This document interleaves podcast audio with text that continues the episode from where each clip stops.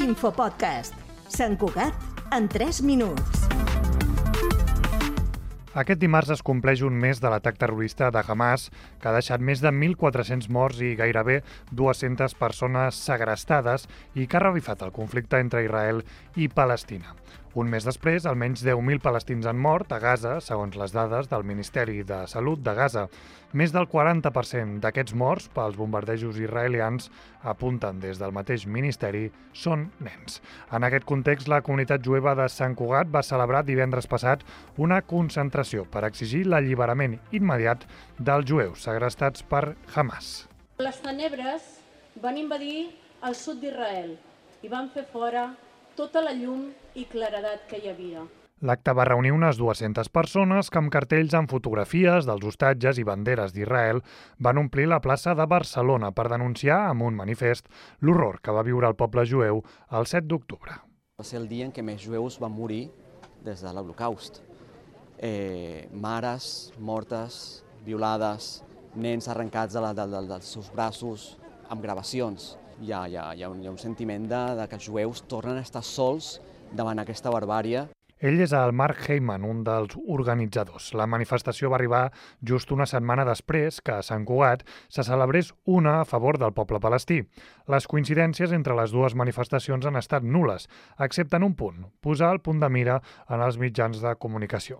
Si en la manifestació pro-palestina es deia que els mitjans compren el relat que Israel s'ha de poder defensar... Avui a Sant Cugat també diem no en el nostre nom. Els mitjans de comunicació amplifiquen la propaganda sionista, segons la qual Israel té dret a defensar-se, equiparant ocupat i ocupant. Molts estan deshumanitzant el poble palestí. A la manifestació pro-Israel es va acusar els mitjans de no contrastar la informació. Quin paper juga l'opinió pública en una falsa equidistància entre Hamas, un grup integrista, i Israel, l'únic estat democràtic de la regió, i evidentment quin paper tenen les mitjans de comunicació moltes vegades donant per bones, sense cap mena de verificació, certes informacions quan aquestes venen permanentment i únicament per part de Hamas.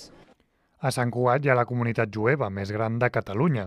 De fet, l'única escola jueva del país, la Hatikva, és al municipi. Des de llavors, un fort dispositiu policial vigila el centre. No, miedo no.